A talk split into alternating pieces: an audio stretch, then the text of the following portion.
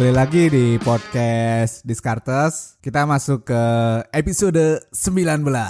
Tapi tetap masih di season kedua ya guys. Di episode 19 ini gue akan ngangkat isu, ngangkat tema latte factor.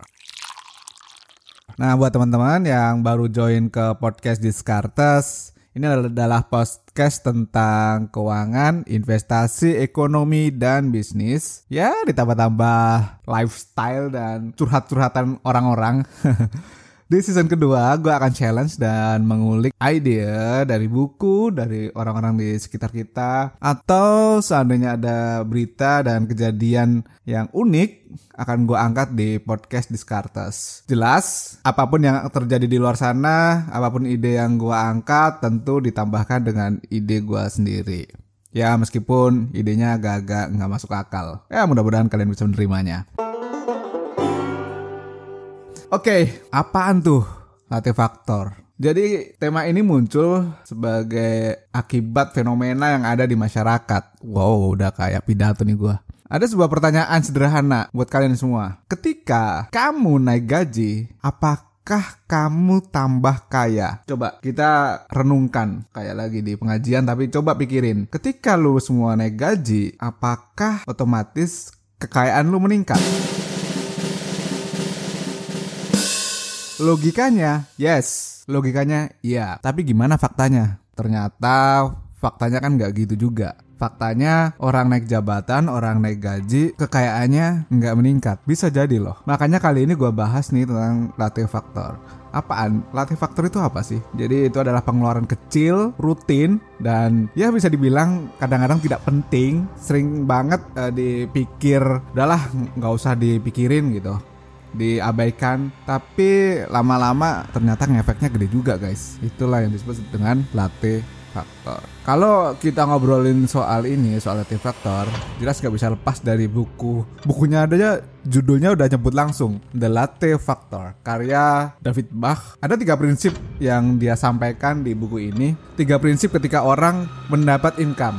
Jadi gimana menurut dia yang harus dilakukan agar hidup seseorang itu aman. Yang pertama adalah pay yourself first, tapi bukan berarti langsung dihabisin untuk mentang-mentang buat diri kita, langsung dihabisin buat kita sendiri enggak. Jadi makna yang mau dia sampaikan adalah orang kan kalau kerja nuker waktu nih, waktu ditukar sama duit ya kan. Nggak ada kan orang di sini yang dengerin podcast ini kerja tanpa mengeluarkan waktu, jelas nggak ada Ya karena lu dibayar atas waktu yang lu punya gitu. Atas skill yang lu punya itu lain cerita. Tapi waktu jelas dipertukarkan. Nah dia ngajarin nih untuk menyimpan 10 dolar per hari. 10 dolar itu kata si David Bach itu untuk membayar diri kita. Jadi biar waktu yang sudah kita tukarkan untuk bekerja itu juga ada waktu yang digunakan untuk diri kita. Ya sesimpel itu. Ya kalau di Indonesia bisa kita adjust lah nggak perlu 10 US dollar karena kalau per 2020 juga sudah 140 ribuan. Tapi misalnya kita adjust jadi let's say 20 ribu sehari gitu. Masukin toples masukin ke kaleng kalau udah sebulan kan itu jadi 600 sendiri 600 ribu. Nah duit 600 ribu bisa dipakai buat beli reksadana misalnya gitu kan buat belajar investasi gitu. Itu yang pertama pay yourself first kata David Bach di bukunya. Terus yang kedua prinsip dia adalah make it automatic karena dia nggak terlalu happy dengan budget ya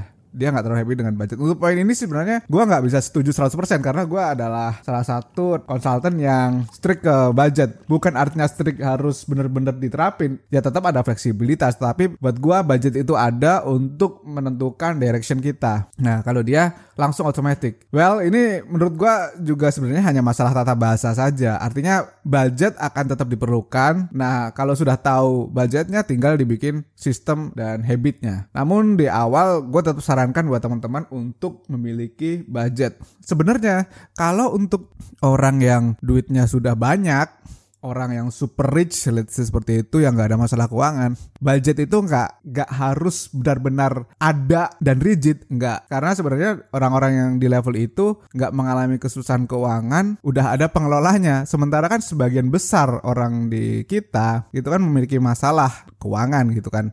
Nah, orang-orang yang memiliki masalah keuangan itulah yang dibutuhkan budget. Yang benar-benar kelihatan tertulis rapi gitu. Sementara kalau udah tajir ya udah ada yang ngurusin still oke okay gitu loh.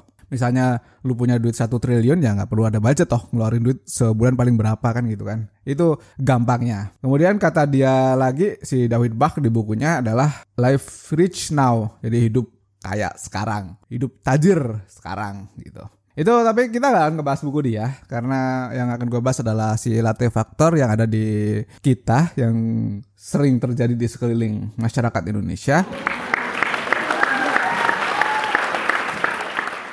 gue mau bawa dalam sebuah mindset gini. Latte ini kan hal yang kecil sebenarnya kan, yang sudah gue bahas di awal, yang jarang teridentifikasi. Tapi coba kita bayangkan yang bisa kita lakukan dengan cara kecil juga. Misal nih, ada orang tetangga lo atau lo sendiri deh, investasi 5000 sehari. 5000 sehari, kalau seandainya ada instrumen yang 10% ngasih annual rate of return, maka dia ternyata setelah tiga setelah 10 tahun dia akan menghasilkan 30 juta rupiah. Itu dari investasi 5000 sehari. Oke, 5000 sehari sebulan 150 ribu, setahun bla bla bla Ternyata setelah 10 tahun 30 juta rupiah. Di sini ada yang dengerin podcast gue dan nggak bisa nyisihin 5 ribu sehari. Itu kalau 5 ribu. Kalau 50 ribu ternyata akan menghasilkan 300 jutaan rupiah hal-hal kayak ini kan kecil. Kita bisa lihat dari sudut pandang apakah angka itu adalah angka spending atau angka itu angka investing, ya kan? Jadi dua sudut pandangnya udah nangkap ya. Untuk ngedapetin angka itu, untuk mendapatkan hasil yang kelihatan gede itu, ya kita harus mengidentifikasi nih si latte factor ini. Kan bisa saja dengan kita menghilangkan sesuatu yang sebenarnya kecil, tapi kita nanti akan mendapatkan impact yang besar. Ntar akan gue jelasin cara identifikasinya. Tapi sekarang gue mau ngobrol ngobrolin dulu apa aja sih latte faktor yang ada di kondisi kita Indonesia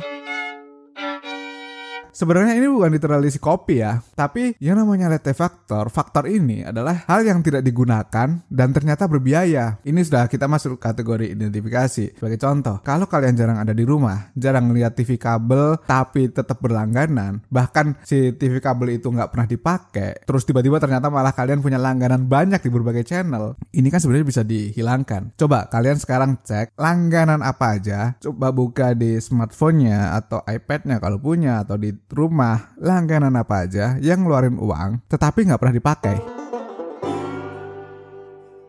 Jadi konsepnya itu kecil, nggak disadari, nggak digunakan, ternyata memakan biaya. Nangkap ya? Ini simple, omongan kita itu kecil, tapi kalau kita perbaiki maka impactnya gede. Sejujurnya gue nggak sepakat kalau ada yang bilang bahwa untuk menghilangkan latte factor ini adalah dengan mengurangi kebahagiaan. Nggak, gue nggak sepakat sama sekali. Tapi pada kenyataannya ada hal-hal yang bisa kita hilangkan, ternyata tidak mengurangi kadar bahagia kita. Kok bisa gitu? Bisa. Karena yang kita hilangkan itu memang hal-hal yang nggak kepakai. Hal-hal yang kita abai saja gitu. Toh pada akhirnya tujuan manusia kan bahagia dengan berapapun kekayaan yang kita miliki. Sederhananya gitu. Jadi, apa yang harus dilakukan untuk mengatasi latih faktor ini? Yang pertama, lakukan yang kamu inginkan.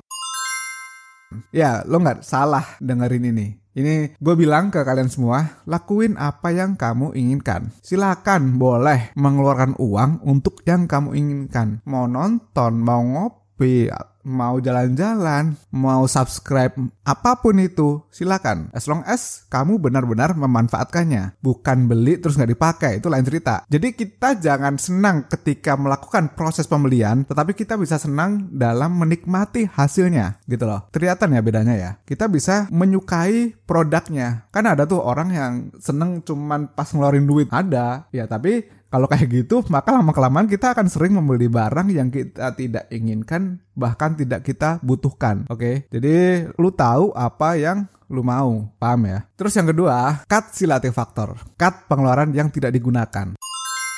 Kalau sudah ketemu cut itu, langsung unsubscribe untuk hal-hal yang tidak pernah digunakan. Atau misalnya dulu pernah kita pakai, tapi seiring berjalannya waktu, sekarang udah nggak dipakai lagi. Nah itu kita delete delete aja deh. Unsubscribe aja. Misalnya dulu langganan berita terus sekarang nggak pernah baca lagi. Yang ngapain masih bayar? Nggak ada gunanya juga gitu. Dulu langganan film karena lo di rumah terus sekarang udah kerja harus aktif. Yang ngapain masih bayar gitu. Apalagi punya 5 channel yang ngapain? Satu channel aja cukup gitu ya. Eh tapi masa kalian nggak pernah baca berita sih? Katanya investor bacalah berita itu bacalah majalah. Majalah value ya Kadang kita sebenarnya lebih kaya daripada yang kita pikir. Hanya karena salah spending aja makanya nggak sadar. Selamat ya, kalian kaya ternyata guys.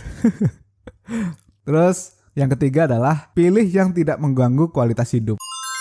Artinya ketika kita memilih pengeluaran yang akan dikat, maka ambil yang tidak mempengaruhi kualitas hidup. Bukan ngurangin makan dan minumnya, enggak. Itu kan kalau kalian ternyata makan dan minum dikurangi, sakit bisa repot bukan. Jadi uh, pilih yang tidak mempengaruhi kualitas hidup. Karena konteksnya bukan untuk menghemat gila-gilaan, tetapi mengoptimalkan yang harusnya bisa dilakukan.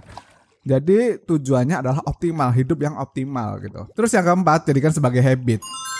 Dalam financial planning, rencana itu selalu diutamakan. Oleh karena itu, kunci dari smart spending adalah perencanaan. Jadi, mulai deh bikin rencana sebelum mengeluarkan uang di hari itu. Nggak dicatat nggak apa-apa, asal lu udah ngerti mau ngapain dalam otak. Contoh, oh hari ini gue mau beli A, B, C, mau beli sabun, beli sampo, dan lain sebagainya. Dari situ, badan akan memanifestasikan keinginan lo. Arahnya tahu nggak ngasal gitu kan. Misalnya, pas you ke supermarket, ke mall, udah ngerti barang yang diinginkan diperlukan dibeli bukan ngasal ngambil gitu. Ketika ini kita lakukan berulang-ulang maka akan jadi habit. Dan ketika sudah jadi habit itu akan sangat membantu pola spending lo sehingga dalam konteks financial plan lo akan jadi lebih bagus.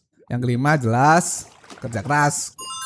Kalau metode menghilangkan lantai faktor udah dilakukan tapi masih susah ngumpulin duit berarti ada masalah di income. Nggak ada cara lain. Lu kerja lebih keras guys. Lebih semangat. Jangan patah arang. Kita hidup memang masalah banyak banget. Itu asli. Kalau masalah nggak ada bukan hidup namanya. Oke? Okay? mudah-mudahan kalian semua habis dengerin podcast ini bisa mengoptimalkan menghilangkan latihan faktor bisa meningkatkan income kalian bisa jadi manfaat buat sekeliling lo semua. Oke? Okay, itu semua sampai jumpa di podcast Discartes episode selanjutnya. Thank you and bye-bye.